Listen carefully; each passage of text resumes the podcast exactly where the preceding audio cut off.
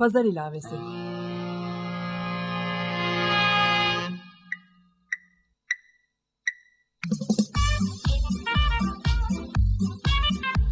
...1936'dan günümüze 80 yıllık bir zaman tüneli.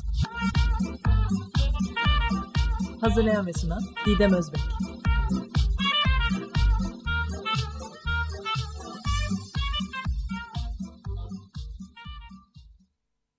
Merhaba sevgili Açık Dergi dinleyicileri. 1936 gündemini günümüze bağlayan Pazar ilavesini dinlemektesiniz. Ben program yapımcınız Didem Özbek. Bir konudan diğerine ilerleyerek sürdürdüğüm Pazar ilavesini sergi kelimesinin sözlük anlamından yola çıkarak ve 20 Mayıs 1936 Çarşamba tarihli Kurum Gazetesi içeriğini günümüz gündemiyle ilişkilendirerek devam ettiriyorum. Pazar ilavesinin geçen hafta yayınlanan 30. bölümünü dinlemiş olanlar Orta Doğu Teknik Üniversitesi Mimarlık Fakültesinden Profesör Doktor Cana Bilsel'le gerçekleştirdiğim telefon bağlantısına bu haftada devam edeceğimizi hatırlayacaklardır. 20 Mayıs 1936 tarihli Kurum gazetesinde yer alan Proust geldiği haberi üzerinden Fransız şehir plancısı Henri Proust üzerine gerçekleşen ilk bölümü Açık Radyo.com.tr'de Pazar ilavesi 1 Haziran 2016 tarihli podcast olarak dinleyebilirsiniz. Şimdi dilerseniz tekrar Ankara'ya Profesör Doktor Cana Bilsel'e bağlanalım.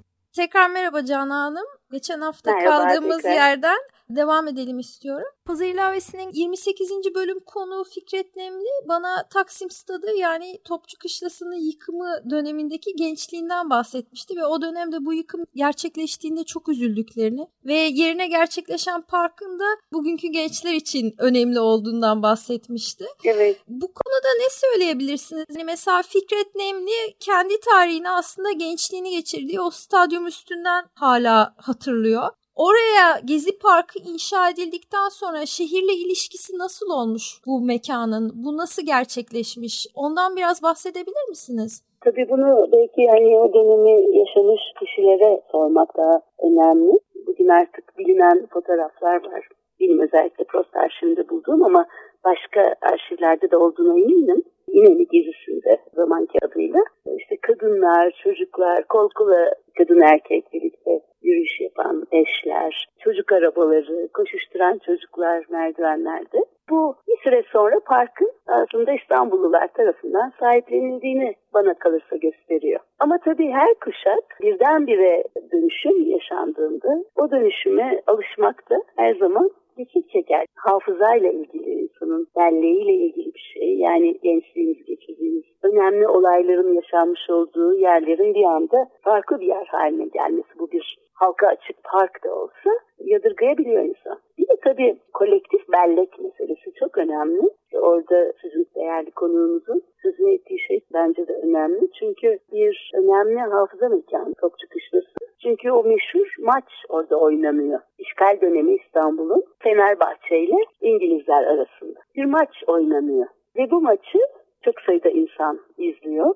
O kadar geniş bir avlusu var ki Topçu Kışlası'nın. Daha henüz bir stadyum olmadığı için ilk futbol maçları da orada oynanmış. Ve üstelik bu maçı Fenerbahçe kazanmış. Tabii çok önemli bir hafıza ögesi. Yani insanların belleğinde yer etmiş bir mesele. Daha sonra da maçlar oynanmaya devam edilmiş. Bir de Macaristan'la bir maç var galiba. O da orada mı oynanmış? İlk milli maç orada oynanmış evet. Evet ilk milli maç.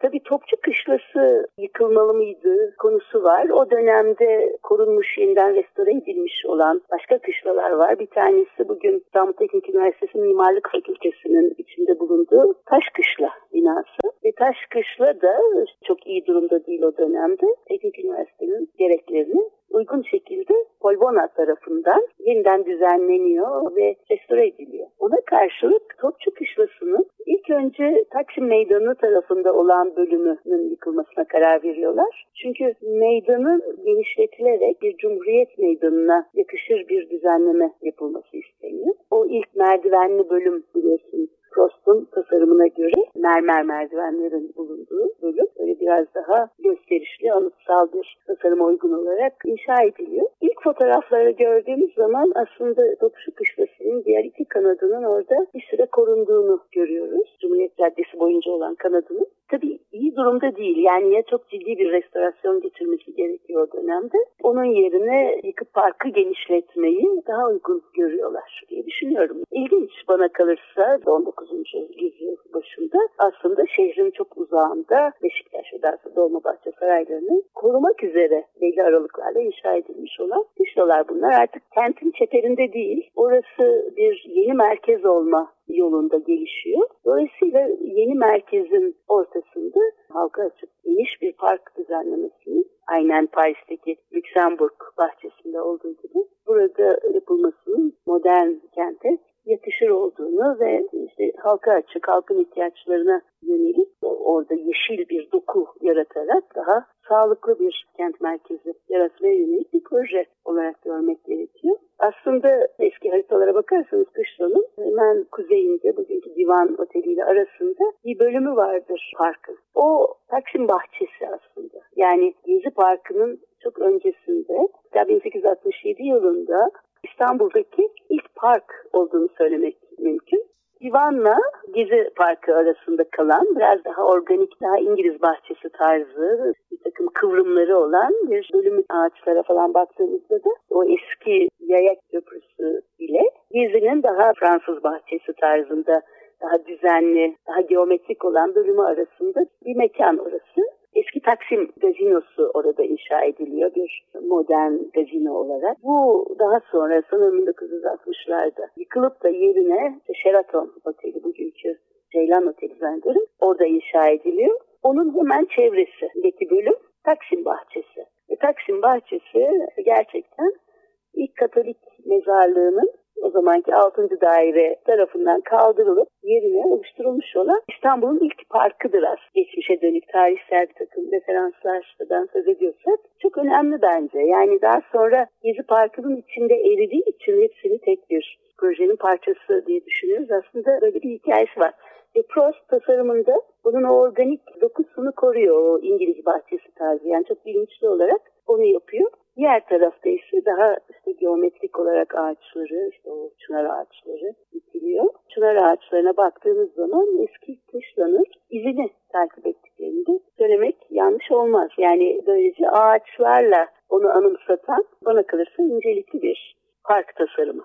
Ve parklar da tabii çok değerli mekanlar. Gezi Parkı zaman içinde neredeyse kaderine terk edilmiş bir yeşil alan halindeydi. Yıllarca çok kötü kullanıldı. Yani benim 2011 yılına ait fotoğraflarım var. İstanbul Belediyesi parkı bir otopark olarak kullanılıyor. Böyle oklar var otoparka gider otoparka gider diye. Yani parkta çınar ağaçların altında arabaları park ettiriyorlardı. Dolayısıyla bütün o özel tasarlanmış basamaklar, korkuluklar daha sonra da elden geçti bir yıl maliyetle yeniden düzenlendi. Halka ait, halkın boş vakitlerini geçirdiği, dinlendiği, öğle arası bir kafede, bir restoranda para harcamak zorunda kalmadan ağaçların gölgesinde sandviçini yiyebildiği, çayını içebildiği bir yeri otopark olarak kullanmak ve havaş otobüslerini güzelim merdivenlerin tepesine çıkarmak yani bu kötü kullanmak idi zaten çok kötü kullanıldı, çok yıprandı. Tabii bugüne kadar dayanabilmiş olması bir mucize diye düşünüyorum. Hala devam eden yeni düzenlemede şu an Cumhuriyet Caddesi cephesine dört farklı boyutta merdiven yaptılar duvar şeklinde. Elma Dağı yakın olan merdiven 19,5 metre eninde onun biraz ilerisinde ikinci merdiven 7,5 metre eninde bir sonraki 6,5 metre ve dördüncü merdiven 6 metre eninde dört merdiven böyle birbirlerinden evet, farklı korkunç. uzaklıkta. Evet. Valla çok usta bir tasarımcının elinden çıkmış. O dönemin ustaları tarafından hani bir her gibi inşa edilmiş bütün basamaklar, rampalar, balistratlar, dikilmiş olan ağaçlar falan bütün bunların bir eser olduğunu görmek istemiyorlar diye düşünüyorum ne yazık ki. Aynı nitelikte bir tasarımın yapıldığından hiç de emin değilim. Çünkü biz tasarımcısını bile bilmiyoruz yeni yapılan uygulamaları. Bir tarafta dünya çapında bir kentsel tasarımcı. Çünkü Prost özellikle kentsel tasarımlarıyla dünya çapında bilinen bir kişi. Dünya çapında bir kentsel tasarımcının yapmış olduğu tasarımları biz bozuyoruz. Nitelikli olmayan kötü bir takım uygulamalar yapıyoruz. Ve tasarımcısını bile ülkenin mimarları olarak bilemiyoruz. Yani ne yazık Bence burada bir tasarımcı yok. Tamamen müteahhit firmanın kararıyla yani o bahsettiğim merdiven örneğinde bile kağıtta bile olmayacak bir şey. Hiçbir mantığın almadığı neden yapıyorlar, niye yapıyorlar. Hani ustalar bile aslında hani göz var, nizam var. Büyük ihtimalle konuda söz sahibi olan kişileri uyarıyorlardır. Sonuçta çok kötü oldu diyecekler herhalde. Hadi yeni baştan yapacağız Bence... diyecekler ve sonunda o kadar kötü bir hale gelmiş olacak ki. Hani kışlanın izinde bir yapının bir alışveriş merkezinin, bir otelin çok amaçlı ama son derece kapalı bir yapının inşasının yolu açılmış oluyor herhalde. Ben Adım zaten adım. ona inanıyorum. Yani çok uzun zaman alan, bitirilmeyen, böyle iyice uzadıkça insanları bezdiren ve en sonunda aslında bir an önce oraya gerçekten hedeflenen binanın yapılması amaçlanan geçici uygulamalarla paralar harcanıyor şu an oraya. Evet yani sonunda korunacak bir şey kalmayınca herhalde yapımına başlayacaklar. Öyle anlaşılıyor ama bu kadar İstanbul halkının aslında bütün Türkiye'nin en önemli meydanı Taksim Meydanı. Toplumun kolektif belleğinde çok önemli bir yeri var. Cumhuriyet döneminin bir temsili mekanı olması nedeniyle değil. Daha sonra 1970'lerin sonunda miting meydanı olarak ve Gezi Parkı'nı tabii o meydandan bağımsız düşünmemek gerekiyor. Bir bütün olarak çok geniş bir meydan oluşturuyor, bir kamusal alan oluşturuyor. Bu kadar toplumun, kentlinin sahiplendiği bir mekan o kadar kolay yok edilemiyor demek ki diye düşünüyorum. Ve tabii çok farklı farklı kesimlerden kentli yurttaş gençlerin bir parkı sahiplenmeleri, yani bir kamusal alanı, bir kamusal mekanı sahiplenmeleri bence dünya çapında değerli bir sahiplenme. Zaman zaman bazı kişileri dinlerken bunu sadece 3-5 ağaçla sınırlı görmemek lazım aslında bir başka türlü bir toplumsal patlamaydı, toplumsal harekettir diyorlar. Ben bunun tam da o 3-5 ağaç dedikleri ki onun çok üzerinde ağaçların sayısı bir yeşil alanın, bir kamusal mekanın genç insanlar tarafından sahiplenilmiş olmasının, kentliler ve yurttaşlar tarafından sahiplenilmiş olmasının çok değerli olduğunu düşünüyorum buna saygı duyması gerekir her yönetimin kim olursa olsun. Çünkü halk kendi kentine, mekanına sahip çıktı. Yeşil alanına sahip çıktı. Ve burası bizimdi. Şimdi bundan sonra artık başka bir yerdeyiz diye düşünüyorum.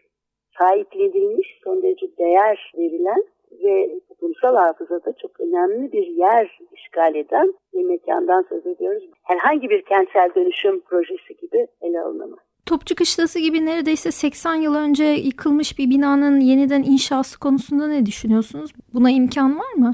Tabii inşa edilecek olan yapı artık ne yazık ki Topçu Kışlası değil. Eskiden var olmuş bir yapıyı siz yeniden inşa ettiğinizi iddia etseniz de buna ihya diyorlar. Rekonstrüksiyon anlamına. Bu o yapının kendisi değil artık. Hiçbir parçası kalmamış bir yapı yeniden inşa edildiğinde o yapı artık o yapı değildir. Yani zaten dünya çapında koruma uzmanları da bu uygulamaya restorasyon demiyorlar, koruma demiyorlar. Üstelik de elimizde o yapının planları, kesitleri, mimari projesi olmuş olsaydı hani birebir yeniden projesine uygun olarak inşa ediliyor denilebilirdi. Öyle de yapılmıyor. Sonuçta fotoğraflardan benzeterek aslında tamamen başka bir proje yapılacak yapılırsa. Bilmiyoruz görmedik ama bir takım animasyonlar var. Peki Annie Prost'un İstanbul'daki çalışmaları ve şehre katkısı hakkında ne düşünüyorsunuz? Şimdi birçok mekan bugün onun izlerini taşıyor. Bir defa ulaşım sistemi açısından Taksim'le Tarihi Yarımada'yı birleştiren o ana omurga onun getirmiş olduğu bir omurga. Daha sonra Londra asfaltının açılması yine onun getirmiş olduğu. Ve de ayrıca daha sonra Menderes döneminde yapılmış olan sahil bulvarının da ilk önerisi Prost'un planlarında var. Onun yanı sıra iki çok büyük park önermiş. Biri bir numaralı park aslında bugün Vatan Caddesi'nin tam merkezinden geçtiği orayı bir e, park olarak tam vadinin en çök noktası orası gerçekleştirilememiş yapılarla dolmuş. Ama ona karşılık iki numaralı park Maçka Parkı'ndan başlıyor. Taksim gezisine kadar devam ediyor. O park gerçekleştirilmiş.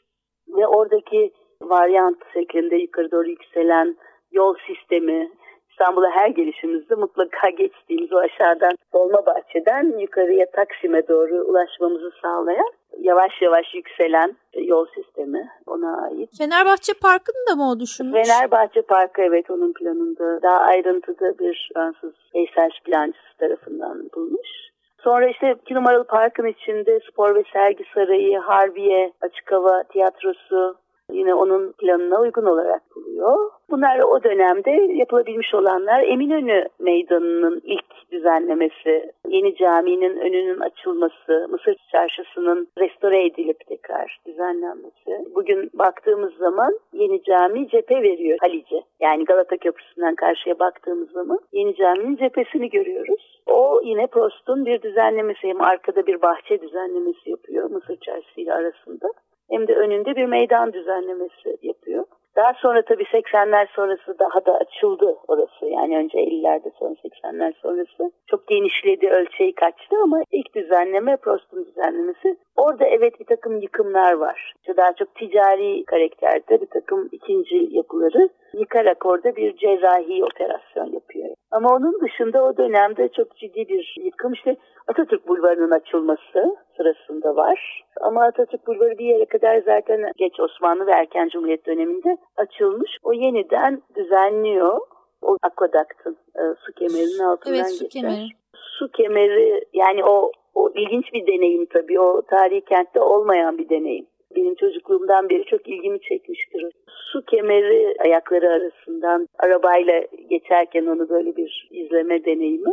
O da yine Prost'un getirmiş olduğu. Sonra Üsküdar Meydanı'nın ilk düzenlemesi gibi gibi. Peki Prost'un planı ne zaman kontrol edilemez hale geliyor? Şimdi Prost'un kendi planında önermiş olduğu ana yol güzergahlarını bir ölçüye kadar takip ediyorlar Menderes döneminde. Fakat buna karşılık yolların genişlikleri karayolu standartında yapılıyor. Çünkü karayolu mühendisleri var işin başında. Adnan Menderes'in yönetimi altında. Düzelterek dolayısıyla bir kısmını kazıyarak. O kazıma sonucunda da Roma eserleri çıkıyor altından. Bir ölçüde Prost'un planını takip ediyor ama çok daha geniş caddeler açılıyor. Çok daha geniş yollar açılıyor. Tarihi dokuyu kesip atarak. Henri Prost'un kendi döneminde gerçekleştiremesi de planında yer verdiği mesela Yeni Kapı'yı raylı ve deniz ulaşımı merkezi yapma planı ki birkaç sene önce efektif işlemese de uygulamaya geçti nihayet metro hattının yeni kapıyla bağlanmasıyla işte. Sirkeci Garı'nın geleceği Haydarpaşa Garı gibi belli değil sürüncemede. Diğer yandan da mesela sizin serginizin kitabında şu benim dikkatimi çekti. İşte Henri Prost İstanbul'u fethinin 500. yılı Evet. için bile 10 yıllık bir çalışma yapmış. Fatih'in heykeli dahil planladığı birçok uygulama var kamusal alanda gene sanatı da işin içine katarak diyeyim. Ve bugünün dönemi hükümeti tarafından bu projeler sanki yeni projeler gibi de sunuluyor. Arada böyle Fatih heykelleri işte Mevlana heykelleri vesaire gibi. Bugünün İstanbul'u artık kontrolsüz büyüse bile onun çalışmaları hala şehri planlamaya Tabii, devam ediyor. Yani bugün merkezi şehrin ana ulaşım omurgasını hala oluşturuyor tabii. Birçok çevre yolları, otoyollar falan inşa edildi. Onlar olmadan olamazdı İstanbul'da. Çünkü Prost'un döneminin İstanbul'u 1 milyon nüfusu. Bugün İstanbul hani resmi olarak 12 milyonun üzerinde belki 15 milyonu bulmuş olan bir kent. Yine de hani bugün hala onun açmış olduğu yol sistemini kullanıyoruz. Birincisi bu. 1953 yılı biliyorsunuz Fethin 500. yıl dönümü. Aslında Türkiye'de Cumhuriyet yönetimleri içinde yani erken Cumhuriyet döneminde de 1940'larda da İstanbul'un fethi konusu her zaman önem verilmiş olan bir konu. Erken Cumhuriyet dönemindeyiz. 1943 Cumhuriyet'in kuruluşun 20. yıl dönümü ve 1953 yılı Fethin 500. yıl dönümünün kutlanmasına yönelik olarak başlatılan program ilan ediliyor ve bir 10 yıllık iş programı ortaya konuluyor. Bunun içinde işte Prost'la birlikte çalışılıyor. Yani büyük olasılıkla o dönemin belediye reisi Prost'tan bunu talep etmiş. Şimdi önermiş olduğu programda çok enteresan. Bir defa olası bir olimpiyat oyunları için yani 2. Dünya Savaşı sonrasında gerçekleşecek olan olimpiyat oyunları için İstanbul'un aday olmasını öneriyor. Ve bunun için surların ötesinde bir olimpiyat alanı tanımlıyor. Öte tarafta Yeni Kapı'da da bir uluslararası sergi, bugünkü adıyla Expo alanı planlaması yapıyor Yeni Kapı'da. Fuar evet, alanı. Evet, denizde kullanan hem güzel sanatlara adanmış hem spora adanmış bir takım yapılar, sergi alanları, işte ülkelerin pavyonlarına ayrılmış olan alanlar. Bu arada tabii hani arkeolojik bir takım kalıntıların öne çıkarılması ama öte taraftan şehrin fethine yönelik bir takım anlatımların, sunumların gerçekleşeceği bir takım yerler, güreş sahaları, işte cirit sahası falan gibi böyle enteresan bir plan getiriyor. Demir yolunun Sirkeci Garı'na kadar uzanmasının çok gerekli olmadığını, trafik sıkışıklığına neden olduğu ve Sarayburnu'nun görünümünü kötü etkilediği düşüncesiyle ilk planında 1937 planında Yeni Kapı'yı bir uluslararası demir yolu istasyonu alanı olarak öneriyor ve aynı zamanda da bir feribot limanı öneriyor orada. Karşıya Haydarpaşa'ya yani Avrupa yönünden trenle gelecek olanları Anadolu tarafına buradan geçirecek feribotlar için de bir liman öneriyor. Ama daha sonra 1943 yılında bu fikrin revize edildiğini, oranın bir expo alanı olarak yeniden düzenlendiğini görüyoruz. Demir yolunun bu defa bir yerin altına alındığı ve bunun metro sistemiyle ilişkilendirildiğini görüyoruz. Yani entegre bir ulaşım sistemi önerisi daha o zamandan 1943 yılında yapmış olduğu bir öneri ve metronun işte Taksim tarafından yani yeni merkezden tarihi yarımadaya Haliç üzerinden nasıl geçeceğini, köprüyle mi geçeceğini yoksa Halic'in altından tünelle mi geçmesi gerektiğini çeşitli şekillerde etüt etmiş. Yani öyle geçerse işte silüeti etkiler mi etkilemez mi köprü şekilde geçerse gibi e, çeşitli etütleri var. Hemen ardından gerçekleştirilebilmiş olsaymış 1943 yılında tabii çok önemli bir çözüm diye düşünüyorum. 2013 yılında da bu sizin bahsettiğiniz fuar alanı deniz doldurularak bir miting alanına dönüştürüldü. Bu bahsettiğiniz deniz altından mı geçsin, bağlantı deniz yoluyla mı geçsin? Evet. Şimdi bir karayolu inşa ediliyor. Bütün sahil artık bir şantiyeye dönüşmüş ve evet. denizle şehrin ilişkisi tamamen kesilmiş durumda kilometrelerce. Benim aslında bütün projeme ilham olan Sait Faik'in bir karpuz sergisi hikayesinde de Süleymaniye Camii'nde hikaye geçse de ara ara Kumkapı sahiline yürüyerek inerek denize giriyorlar. Benim bunun üstüne yaptığım bir video işim var ismi Delik. Okay. Geçen yaz çektim. Evet. Aynı rotayı yürüdüm. Süleymaniye'den yürüyorsunuz. Yolda hiçbir değişiklik yok. Yokuş aşağı gidiyorsunuz. Kumkapı'ya geliyorsunuz. İşte lokantalar, masalar Ta ki bu demir yolu yeraltı geçitinden, köprüden geçtiğiniz zaman bariyerlerle karşılaşıyorsunuz. Deniz yok kilometrelerce gri metal bariyerler ve bir delik yaratmış insanlar. O delikten Alice Harikalar Diyarı'ndan geçer gibi bir giriyorsunuz. Şantiye alanının önünden insanlar denize hala giriyorlar. Sait Faik'in hikayesinde denize giren insanlar bugün hala denize oradan giriyorlar. Ama ne yazık ki orada sanırım 12 şeritli mi ne bir otoyol yapılma aşaması aslında şu an. Şehrin denizle ilişkisinin tamamen kesildiği bir proje şu an gerçekleşiyor. Çok üzücü bir şey tabii ki evet. İstanbul gibi bir şehir için her her aşamasıyla ama sizin verdiğiniz bilgiler de çok etkileyici çünkü e, gerçekten bugüne kadar belki de tek e, plan yapılmış İstanbul üstüne ve bugün hala şehrin bir bakıma pazarlanması hani gelecek vaatleri aslında 1936'dan itibaren Henry Prost'un sürdürdüğü bu 1951'e kadar o uzun vadeli süreçte gerçekleştirdiği öngörüler üstünden gelişiyor anlaşılan. Evet yani şimdi şöyle söylemek lazım. Prost bir mimar şehir plancısı ve hem üst ölçekte Nazım Plan ölçeğinde bir ana strüktür e, e, ulaşım e, sistemine yönelik e, bir ana strüktür planı Nazım Plan e, getirdikten sonra daha ayrıntıda noktasal kentsel tasarım e, projeleri geliştiriyor. Yani mesela bir Atatürk Bulvarı'nı bir uçtan öbür uca açarken bunu bir karayolu gibi açmıyor. İşte ağaç sıraları, işte orta refüj, insanların altında yürüyeceği gölgelikli iki tarafı ağaç sıklı bir yol olarak tasarlamış. Hani ne kadar uygulanabilmiş daha sonra o ayrı bir mesele ama şimdi ulaşım üst ölçekli yani çok büyük ulaşım projeleriyle bir tarihi kenti artık kente yaklaşılamayacağı çok açık. Çünkü ölçeği farklı. Tarihi kentler yaya ölçeğinde yapılmış olan, oluşmuş olan kentler ve bu kentlerde tabii yaya ilişkileri var. Yani bugün geldiğimiz noktada artık kentsel tasarım yayayı önceleyen bir tasarım alanı. Demin dediniz ya kuştan inip oradan sahile, oradan da denize ulaşabilmek. Çünkü yaya olarak kent mekanını deneyimliyoruz. Orada yürüyoruz, oradan keyif alıyoruz. Şimdi bu büyük ölçekli ulaşım projeleri, bunların içerisinde ne yazık ki tasarımcılar yok. Bunları mühendislik firmaları yapıyor ve bir kentsel tasarımı dikkate almaksızın yapıyorlar. İstanbul gibi dünyada başka bir eşi olmayan bir tarihi kente bir otoyolu bu şekilde saplayamazsınız. Saplarsanız o şehri yok edersiniz. Dolayısıyla bu büyük ölçekli ulaşım projeleri, büyük projeler, büyük mühendislik projeleri evet olmalı. Yani artık 15 milyonluk bir kent için bunların olması gerekiyor tabii ki.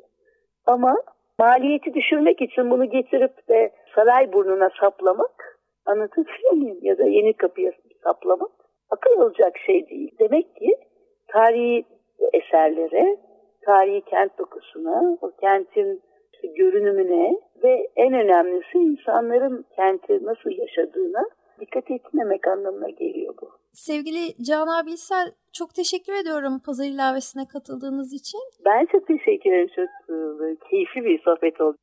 Yaptığı çalışmaların böyle değer buluyor olması çok değerli. Çok, çok teşekkürler. Teşekkür evet sevgili dinleyiciler bir pazar ilavesinin daha sonuna geldik. Geçmiş bölümlerin podcastini açıkradyo.com.tr ve Pazar İlavesi blogspot.com adreslerinden dinleyebilir. Gelecek bölüm içeriğini Pazar İlavesi Twitter adresinden takip edebilirsiniz. Ben program yapımcınız Didem Özbek. Toplu ulaşım, parklar, yeşil alan gibi bir kentte verilmesi gereken hizmetlerin her geçen gün daha da kaliteli olacağı, İstanbul'un denizle ilişkisinin otoyollarla kesilmeyeceği güzel günler dileğiyle 1936'dan günümüze haftaya ele alacağım yeni bir konu ve konukla pazar ilavesinde tekrar görüşmek üzere.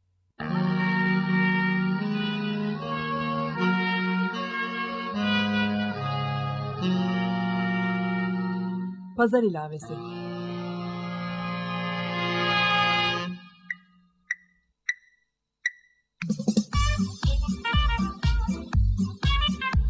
...1936'dan günümüze 80 yıllık bir zaman tüneli.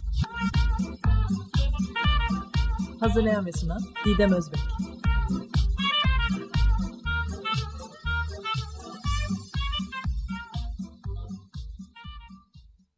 Açık Radyo program destekçisi olun. Bir veya daha fazla programa destek olmak için 212 alan koduyla 343 41 41